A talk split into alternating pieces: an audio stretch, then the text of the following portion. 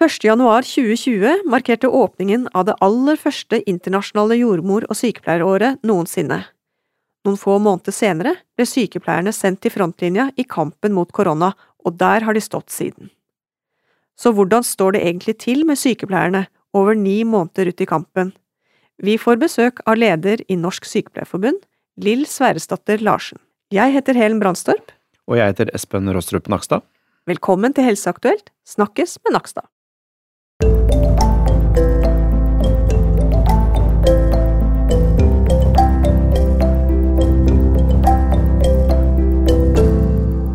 Du Espen, det er 5. november og en veldig spesiell dag i dag. Ja, det er det. Det er nok en merkedag, vil jeg si. Du er enig i det? Jeg er enig i det. Mm. 12. mars var sist. Ja. 12. mars var sist, og nå 5. november, det er dagen hvor vi har en mulighet til å forhindre en svær bølge nummer to. Eh, og det er den eneste muligheten vi får, tror jeg. Eh, Klarer vi det, så, så skal vi være glad for det, og klarer vi det ikke, så blir det en tøff eh, senhøst og vinter. Det er litt sterkt, syns jeg, at å sitte her i studio sammen med deg, og sitte sammen med forbundsleder for eh, Norsk Sykepleierforbund, Lill Sverresdatter Larsen, og snakke om det akkurat i dag. Ja, det kan du si. Mm. Sykepleierne er jo overalt når det gjelder håndtering av denne pandemien. Altså Mm. virkelig overalt så har vi sykepleiere. De er overalt. De er i førstelinje ute i kommunene. Og de er i sykehusene, både i akuttmottakene og på sengepostene og på intensivavdelingene og overalt. Så jeg har litt lyst til å spørre deg, Lill Sverresdatter Larsen. Du er jo leder for denne svære gruppen eh, sykepleiere som vi har i landet. Kan ikke du si litt om hvordan er det å stå i frontlinjen eh, med fare for egen helse og med masse vilje, som vi har sett, til å stå på ekstra for eh, pasienter og befolkningen? Først og fremst takk for eh, invitasjonen til å delta i, i denne podkasten. Jeg er helt enig i at det er en spesiell eh, dag. Jeg har kjent på det i hele dag. fra, fra jeg fikk en telefon fra Anne Grete Erlandsen tidlig i dag. Jeg er i Trondheim akkurat nå og er eh, i møte med en del tillitsvalgte. De fleste av dem er på Skype. Tillitsvalgte hovedtillitsvalgte både på sykehus og i kommuner rundt i dette området.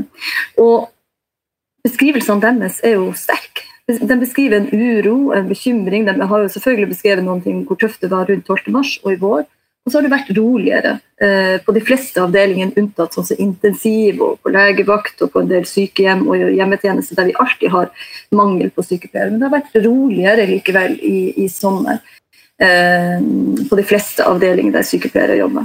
Og så kommer det nå igjen. Og da kommer en sånn gradvis eh, en større og større uro utover høsten, og vi har fått flere og flere varsler, som også er en av grunnene til at vi er her i dag og, og møter, møter tillitsvalgte, sånn at de kan beskrive de erfaringene og de rapportene som, som kommer fra sykepleierne. Eh, Det å stå i frontlinja er jo både en eh, det er jo en bra ting, altså det å få lov til å være med på denne viktige arbeidet som gjøres eh, for samfunnet sin del. Og det beskriver sykepleierne. Det har de gjort siden i vår. Den yrkesstoltheten som er økt. eh, Det at eh, folk flest nå vet hva slags ansvar en sykepleier har og står med.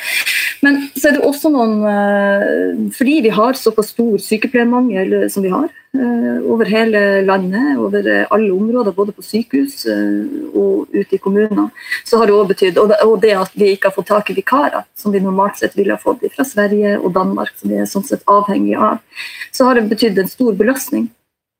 Fra og med 12. mars utover sommeren. Vi har sykepleiere som jobber annenhver helg, som har fått avkorta ferien sin. De kun, jobber, altså kun fått ferie tre uker i sommer.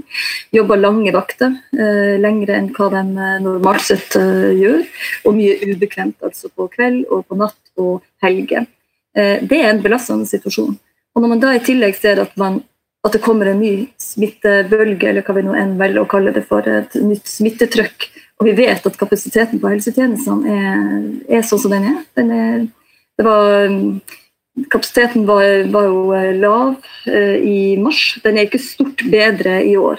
Eller nå, litt senere i år. Særlig knytta til intensiv, til eh, legevakt og til kommunale helse- og omsorgsoppgaver. Så da er de urolige, både med tanke på pasientene eh, og det at eh, blir redd for at vi skal komme en sånn prioritering. At man er nødt til å prioritere hvem som får eh, den ulike formen for eh, pleie, og omsorg og behandling som, eh, som vi er nødt til å gi. Den prioriteringsdebatten den er veldig oppe hos sykepleierne. Og så er man urolig med tanke på ensomhet og det at pårørende skal utestenges, sånn som det har vært, særlig på sykehjem. Og, og at hjemmetjenestene at de ikke tar imot tilbud av tjenestene, sånn som, sånn som har vært. Og man er også selvfølgelig urolig med tanke på egen smitte og egen risiko. Eh, vi har fått flere rapporter om eh, sen-covid, eh, long-covid-19, altså senskader også. Og det er klart Helsepersonell er en av de yrkesgruppene som fordi det er frontlinje, også står i en høyere smittefare, smitterisiko. Det har vi jo flere rapporter etter hvert som, som viser. Mm. Det er heftig, Espen. Ja, det er mange ting som blir komplisert av en pandemi, og som gjør ting mye vanskeligere i praksis.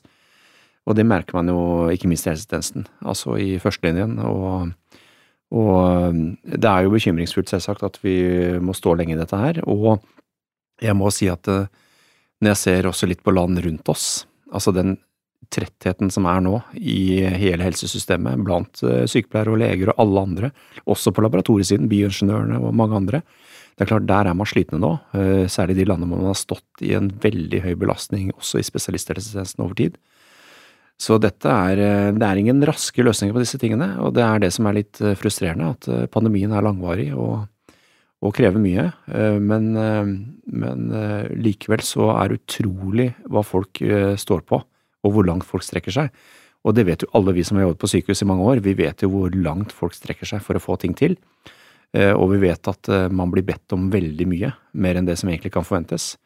Eh, og, og, derfor er det så viktig å lære av denne pandemien når man går videre også, at, eh, at, eh, at vi må være bedre rustet på mange måter i helsetjenesten framover hvis vi skal klare dette på nytt om noen år, hvis det er lov å se så langt fram. Og så må vi lære av ting underveis sånn at vi klarer å stå i det nå, i denne fasen også. Og det er klart, da er dagen i dag, med det å få snudd denne smittetrenden, det er det aller, aller viktigste. Nettopp for at mm. ikke belastningen skal bli enda større enn den er. Så mm. det er uh, veldig, veldig viktig. Det er et viktig poeng, ikke sant, Lill? Altså, nå må vi snu smittetrenden. Ja, for det er jo noe med det som, eh, som vi har vært tydelige på hele veien, eh, også som vi har vært ute tidlig i dag og støtta regjeringens tiltak. Det er det viktigste vi gjør. Det er at vi som en del av befolkninga, at hele befolkninga tar sitt ansvar for å snu smittetrenden. For det vil jo ha betydning for helsetjenesten sin kapasitet. Så det er pri én. Og så er pri to, det er som Espen uh, sier, vi må lære av det. Og så må vi gjøre noen tiltak på kort sikt som sikrer at vi beholder den uh, livsnødvendige kompetansen vi, uh, vi, vi, er avhengig av. Og på lang sikt sånn at vi kan, kan, sikre at det ikke er så sårbart, at ikke helsetjenestekapasiteten er så sårbar som den er per nå. Mm. Jeg tenker at um, veldig mange gjør som meg. De slår på vg.no eller nrk.no og sjekker tallene det første de gjør, omtrent i senga. Jeg gjør det. Og det, litt, og, det, og det, er helt genialt. Jeg syns det er helt fantastisk hva norsk media gjør av eh, arbeid. Men det er én svakhet, og det kan, må vi hjelpe eh, til med, og det er å få fram tallene fra Kommune-Norge. Når det står antall innleggelser, så er det bare på sykehus, men vi legger jo inn også på kommunale institusjoner. Det er også smitteisolat i kommunene, så på en måte litt den kommunale hverdagen avspeiles litt dårlig i tallene. Eh, og de som er isolerte hjemme, ikke sant, de som er i karantene hjemme, alt det der. Ja, det var nå et lite hjertesukk. Sånn i forhold til slitne sykepleiere også, så er det Det er et viktig hjertesukk. fordi det, det, er klart Vi vet jo at det, det eh, over halvparten av dem som har dødd av eh, covid-19, har dødd i kommunene, ikke på sykehus. Mens det som slås opp i media og blir mye snakk om, er intensivavdelingen.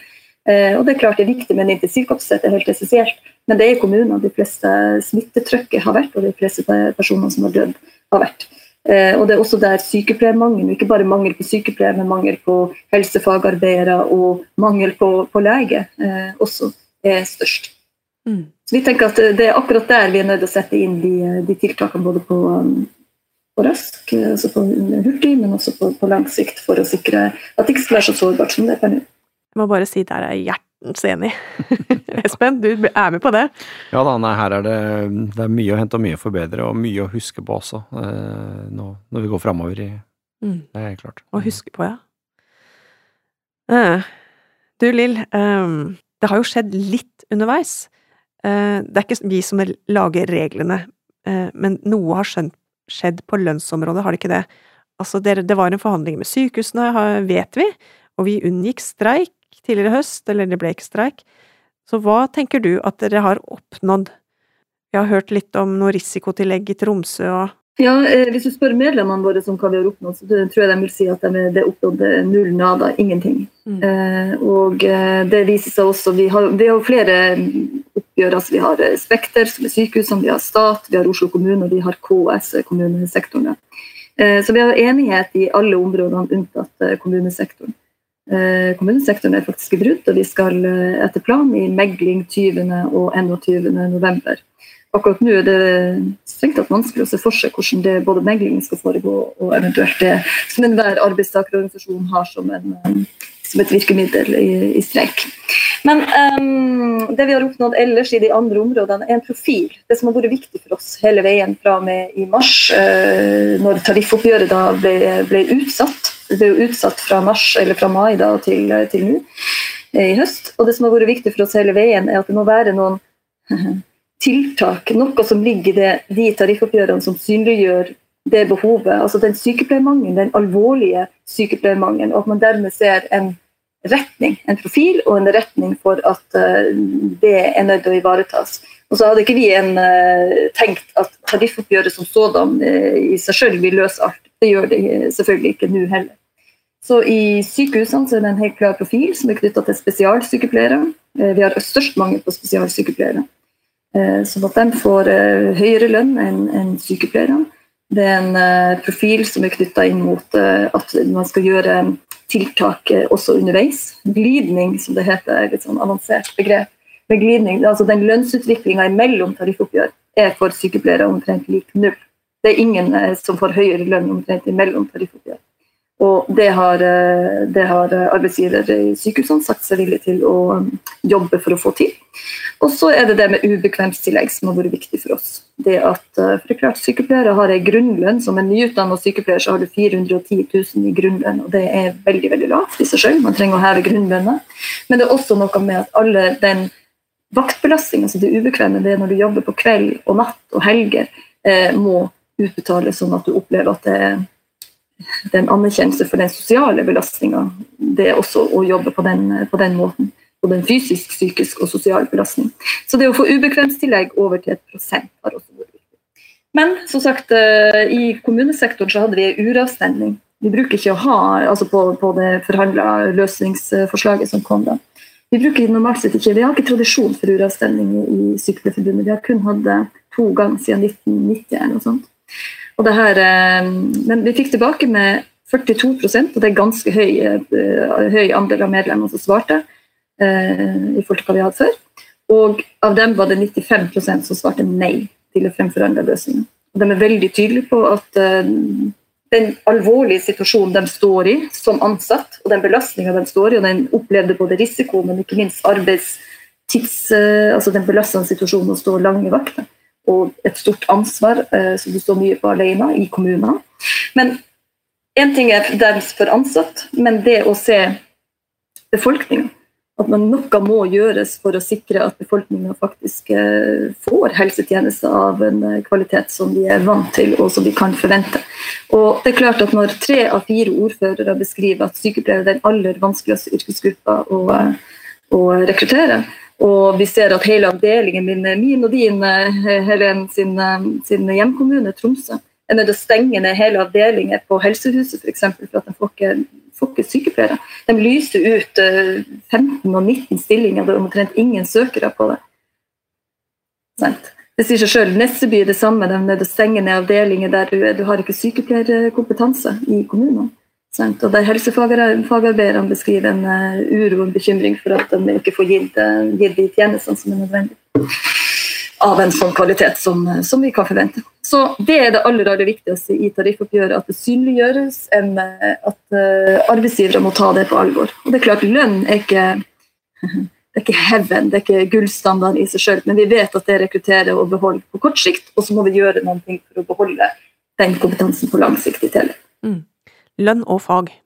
Jeg syns jeg har sett deg uttale Fag, ikke minst. Fagfolk vil ha gode fagmiljø. Der har vi mye å snakke om, Lill. Men jeg tror vi skal gå videre.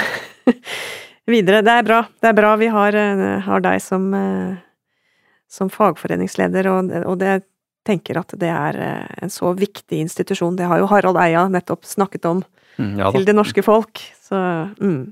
Mm. Vi har i podkasten her eh, tidligere prøvd også å være litt positive. Så hva ser vi av vi, Hva ser vi av nye? Liksom ting som på en måte speedes opp, som skjer i lys av pandemien. Espen, kan du si noe litt rundt det? Nei, jeg kan si at eh, det er jo noe positivt som skjer rundt omkring. Altså, det har skjedd en del forbedringer eh, ute i tjenesten. Vi har jo fått opp testaktivitet med et eh, volum vi ikke hadde drømt om tidlig i denne pandemien. Eh, kommunene har eh, innført digitaliseringsløsninger og rapporteringssystemer og ting som, eh, som går på høygir. Så det er, det er mye mer effektivt å jobbe med, i hvert fall når det er dette med testing og sittesporing nå, enn det var tidlig i pandemien. Eh, Og så har jo også behandlingen av covid-19 blitt bedre, Eh, og det er litt interessant. fordi selv om vi ikke har fått noen mirakelmedisin mot selve viruset, og det har jo også vært studier hvor man har testet ulike medikamenter, så vet man litt mer om dette viruset, og sykehusene har blitt bedre på å håndtere koronapasienter. Det er mye mindre smitte inne på sykehusene nå, det er veldig få i karantene. Eh, Det er generelt mye mindre smitte i hele helsetjenesten eh, på innsiden, for å si det sånn, både på sykehjem og sykehus, enn det var eh, i mars og april. Og mange har fått et stort kompetanseløft på smittevern som ser ut til å fungere. Og det vil man nyte godt av også etter denne pandemien, det med, med bedre smittevern. Og så har man jo som sagt blitt mer vant til disse pasientene mange steder, og, og man ser at overlevelsen generelt i hele verden er kanskje litt økende. Det kan ha sammenheng med at det var veldig kritiske mars og april og fullt kaos mange steder, og det vet vi fra utlandet også, at eh, kaotiske, overfylte sykehus gir dårlig behandling. Da går overlevelsen ned, eh, og det får mange konsekvenser. Mens i Norge har vi heldigvis, da, eh, på det meste hatt 324 innlagte covid-19-pasienter samtidig i Norge. Det er et tall som ga store problemer, altså mye aktivitet ble faktisk satt på vent, fordi nesten 100 av de pasientene var intensivpasienter. Så, så eh, det var ikke noe lett eh, situasjon i norsk helsetjeneste, og det har ikke blitt mindre lett med all den testingen og smittesporingen de siste månedene. Men likevel så har vi klart tross alt å drifte de viktigste tingene i norsk helsetjeneste parallelt med dette, og man har klart å ta igjen mye av etterslepet som var i vinter, eh, på planlagt oppfølging blant annet av eh, ulike pasientgrupper, og det er veldig bra. Og det har man klart fordi man har strukket seg langt, eh, mange har jobbet mye ekstra, eh, og man har likevel klart å få det til. Og der er vi, har vi vært i en veldig gunstig situasjon. Og det er klart det er det som er motivasjonen også nå ute i helsetjenesten, merker jeg veldig godt, for jeg snakker med mange jeg også, og de sier at eh, for all del nå, la oss unngå en ny svær smittebølge. Det vil være så ødeleggende, det vil få så store konsekvenser også for andre pasientgrupper enn de som har koronavirus, også for hele systemet med folk som er ganske slitne. Eh, Sånn at det er veldig sterk motivasjon ut ute i helsetjenesten for å gjøre sitt for å ha dette under kontroll, og for å bidra til at man eh, ikke kommer i samme situasjon som i, i mars måned. Fint å høre. Det er altså det internasjonale jordmor- og sykepleieåret, Lill. Har du noen positive ting du vil trekke fram i dette ja, veldig, veldig spesielle året for eh, sykepleiere og jordmødre i hele verden? Ja, det var ikke sånn vi hadde tenkt det skulle bli. Vi hadde tenkt det som, som en eh, feiring og en markering, eh, og selvfølgelig mulighet til gjennomslag på viktige, viktige saker for, for sykepleiere. Men, eh, men det som virkelig har blitt, og som er en, en positiv ting, er jo som jeg sa, det med å få synliggjort det ansvaret og de oppgavene som sykepleiere gjør eh, på alle nivå i helsetjenesten. Eh, og dermed en, en bygd opp en eh, yrkesstolthet eh, som, som vi merker også blant studenter. Og det var en økt rekruttering også til sykepleierutdanninga. Og det er bra. Hvis vi bare hadde klart å få dem igjennom, for vi når ikke måltallene per nå. Og ikke minst klare å beholde sykepleiere. Men det, det ansvaret, synliggjøring av ansvar og yrkesstolthet har definitivt vært positivt. Men i tillegg så er det jo flere Sykepleierne våre beskriver også det med det er digitalisering, som har vært helt nødvendig f.eks. på jordmor og helsesykepleiere. E-konsultasjoner, sånn sett via jordmortjeneste og, e og um, helsesykepleiere også, eh, som har eh, fått en fortgang på, eh, som var nødvendig. Men også det med å begynne å se på oppgaveløsning. Eh, hvem er det som skal gjøre hva? Per i dag så er det altså sykepleiere på sykehus som får sekker med klær, f.eks. Altså sånne her, sengetøy og eh, pasientklær og sånt, og så skal de brette de her og legge dem sammen i et lager. Altså, kjære. Du trenger ikke en eh, bachelor eller master i sykepleie for å gjøre det. Så det at man begynner å se på nytt på hva slags arbeidsoppgaver som Det er et prosjekt som vi har initiert, både i HOD, altså Helse- og omsorgsdepartementet, men også med trukket med oss um, Fagforbundet og Delta og Unio-forbundene våre, selvfølgelig helseforbundene der, og også um, Legeforeninga. Hva skal sykepleieren f.eks. gjøre? Hva er en helt klar sykepleieroppgave? Hva er det som andre høyskolegrupper kan gjøre, som sykepleieren og andre kan gjøre? Hva er det som absolutt ikke er sykepleieroppgaver, men kan være gjort av andre? Og Det er et prosjekt som, eh, som er initiert, eh, og som er helt nødvendig, og som jeg opplever at vi også får en fortgang på. Der må vi òg jobbe langt sterkere grad ute i kommunene, sånn at det synliggjør kompetansebehovene i kommunene, og at man sikrer at det er på riktig nivå der. Det er positivt. Den opplevelsen av å brette opp ermene og få ting til, som også Espen er inne på, knyttet til etterslep, selv om det har, vært, det har ført til at de er belasta, at, at, de er sliten, rett og slett. Men det er også en positiv opplevelse i det å få, få ting til. Og så er det det med smittevern. Eh, det at vi har mindre smitte. Jeg hørte også at det er mindre sykefravær generelt. Hvis du fjerner det koronarelaterte sykefraværet, så er det mindre sykefravær. Og kanskje henger det også sammen med flere smittevern blant helsepersonell. Unntatt på intensive avdelinger, der vi vet at belastningen har vært enorm. Og så beskriver de bedre læring av hverandre, altså anestesi, operasjon, intensivsykepleiere. At de har lært mer av hva de andre gjør, og dermed får de selvfølgelig en større respekt, men kan gå inn og hjelpe hverandre på en annen måte enn, vi de gjorde før. Men også mellom, sånn som intensivlege og intensivsykepleier. At det er en større grad av reell samhandling. Og så hørte jeg i dag noe artig. og Det var på praksisveiledning, praksisveiledning da, at sykepleiere som tar ti studiepoeng i praksisveiledning, noe som er viktig for at vi faktisk får eh, utdanna gode sykepleiere. Før har de jo dratt bort for å gjøre det, det her studiet. Uh, ti studiepoeng. Nå på St. Olavs har de initiert et prosjekt som de da gjør praksisveiledningsstudier mens de er i jobb. Så de får deler av det fri, men de er likevel i avdelinga. Uh, og det er nytt, og det er veldig spennende. Ja, ja, ja. Du har god oversikt. Jeg tror Espen hadde en kommentar ja, nei, jeg avslutningsvis. Tenker, det er mye som er mm. bra, og det er klart eh, det er mye som er imponerende, vil jeg si, mm. Av hvordan man har taklet dette her i hele helsetjenesten. Og, og, og Lille var litt inne på det, dette, men det er noen gunstige effekter faktisk også denne pandemien. Selv om det er liksom eh, kanskje ikke eh, helt riktig å snakke om alle de gunstige tingene. Men det er klart sykefraværet når det gjelder infeksjonssykdommer har nok gått ned. Vi ser at det er nesten ikke influensatilfeller i Norge nå. Nesten ikke influensadødsfall heller. Og det er noen sykdomskategorier som det faktisk har blitt en lavere forekomst av. Eh, det er ikke bare akutt eh, hjerteinfarkt som ser ut til å ha, eh, har en lavere forekomst, men for tidlige fødsler, altså premature fødsler, er det flere land som rapporterer har, har fått mindre forekomst. Og det har mye å si, for den viktigste driveren av, av, av dødelighet blant barn, det er jo for tidlige fødsler. Eh, og når det faktisk eh, endrer seg, og færre blir født for tidlig, eh, så er det en gunstig effekt. Og det som er interessant, er jo da er det fordi det er mindre infeksjonssykdommer også blant gravide, eller er det fordi man tar livet litt mer med ro, faktisk? Ikke stresser sånn rundt i hverdagen som man vanligvis gjør i svangerskap. Det er det ingen som vet helt fasiten på, men det er noen sånne positive effekter av dette her som også er verdt å få med seg, for det kan gjøre at vi får en bedre helsetjeneste i framtiden. Så noen positive ting er det selv om denne koronapandemien i det alt vesentlige ikke er spesielt positiv, må vi jo si. Mm.